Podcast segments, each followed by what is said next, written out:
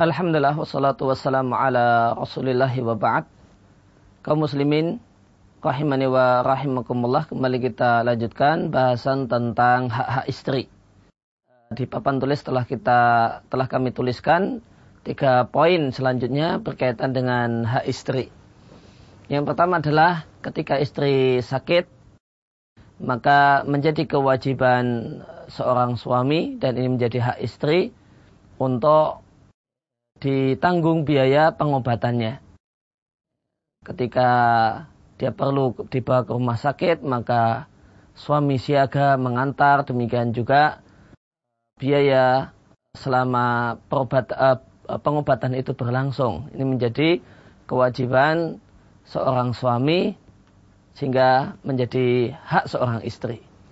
Kemudian poin selanjutnya adalah menjadi hak istri untuk dibantu oleh suaminya dalam menyelesaikan pekerjaan-pekerjaan rumah. Sebagaimana yang dicontohkan oleh Nabi Shallallahu Alaihi Wasallam, di mana beliau bagaimana dituturkan oleh istrinya ibunda Aisyah radhiallahu anha, bahasanya Nabi Shallallahu Alaihi Wasallam membantu pekerjaan-pekerjaan rumah. Beliau lah yang menyiapkan air, air minum, beliau lah yang dan melakukan berbagai macam aktivitas yang lainnya yang di rumah. Bahasa kita saat ini ya hendaknya suami tidaklah merasa berat untuk membantu untuk eh, cuci piring atau membantu untuk kemudian eh, mencuci baju, menyapu dan semacam itu. Tidak kemudian merasa itu semuanya adalah urusan istri. Kemudian suami cuma duduk-duduk nyantai sambil baca-baca Quran, padahal istrinya sibuk ngepel, sibuk nyapu, eh, dan sibuk masak dan sebagainya. Maka hendaknya suami ringan tangan untuk membantu pekerjaan istri. Ya, ketika istri masak, kemudian suami perlu membantu dengan mungkin uh, untuk motong-motong sayuran dan semacam itu hendaknya suami merasa ringan tangan untuk melakukan itu semua. Kemudian eh, yang uh, poin yang ketiga adalah menjadi kewajiban suami dan menjadi hak seorang istri untuk diajari dan dididik. Yang dimaksud dengan diajari di sini adalah artinya bersifat teori. Adapun uh, dididik di sini adalah berkaitan dengan masalah kontrol dan masalah evaluasi. Maka menjadi hak istri untuk diajari oleh suaminya hukum-hukum agama. Ketika istri itu tidak mengerti hukum tentang masalah toharoh, hukum tentang masalah haid, sholat yang baik, dan seterusnya, maka menjadi kewajiban suami untuk mengajari.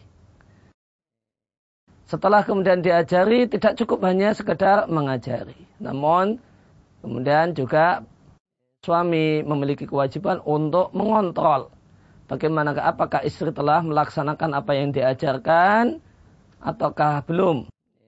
Demikian juga menjadi kewajiban suami untuk melakukan evaluasi setelah dilihat bagaimanakah istri mempraktekkan apa yang diajarkan, oh berarti apa materi yang kurang, apa materi yang perlu ditekankan, maka dari evaluasi maka kemudian ada perbaikan-perbaikan dalam pengajaran. Maka di antara poin penting berkaitan dengan masalah mengajari adalah menjadi kewajiban suami untuk mengajari istrinya ahkamul haid. Hukum-hukum haid. Maka suami punya kewajiban menjadi mufti untuk istrinya dalam masalah haid. Ketika istri itu bingung, dengan bertanya kepada suaminya, ini saya ini eh, keluar semacam ini, ini sudah tergolong haid ataukah bukan, eh, ini sudah tergolong haid ataukah belum, apa yang harus saya lakukan, apakah sudah berkewajiban untuk mandi, apakah ini tergolong darah haid telah berhenti, ataukah ini istihadah ataukah bukan, menjadi kewajiban suami untuk bisa menjawab pertanyaan-pertanyaan istri semacam itu. Maka suami perlu maka menjadi satu hal yang sangat urgen bagi para suami untuk belajar tentang ahkamul haid. Kemudian dia eh, menerapkannya dengan pada istrinya. Dia bisa sampaikan semacam ini adalah darah haid. Dari setelah belajar ya, masalah haid, maka suami bisa langsung praktek darah semacam ini adalah darah haid. Yang semacam ini bukan darah haid. Kapan tanda haid itu berhenti? Nah ini satu hal yang sangat urgen menjadi bekal para suami. Belajar tentang masalah haid. Karena suami punya kewajiban untuk menjadi tempat bertanya istri tentang status dirinya. Apakah haid ataukah belum, sudah berhenti haid ataukah belum, berkewajiban untuk mandi ataukah belum.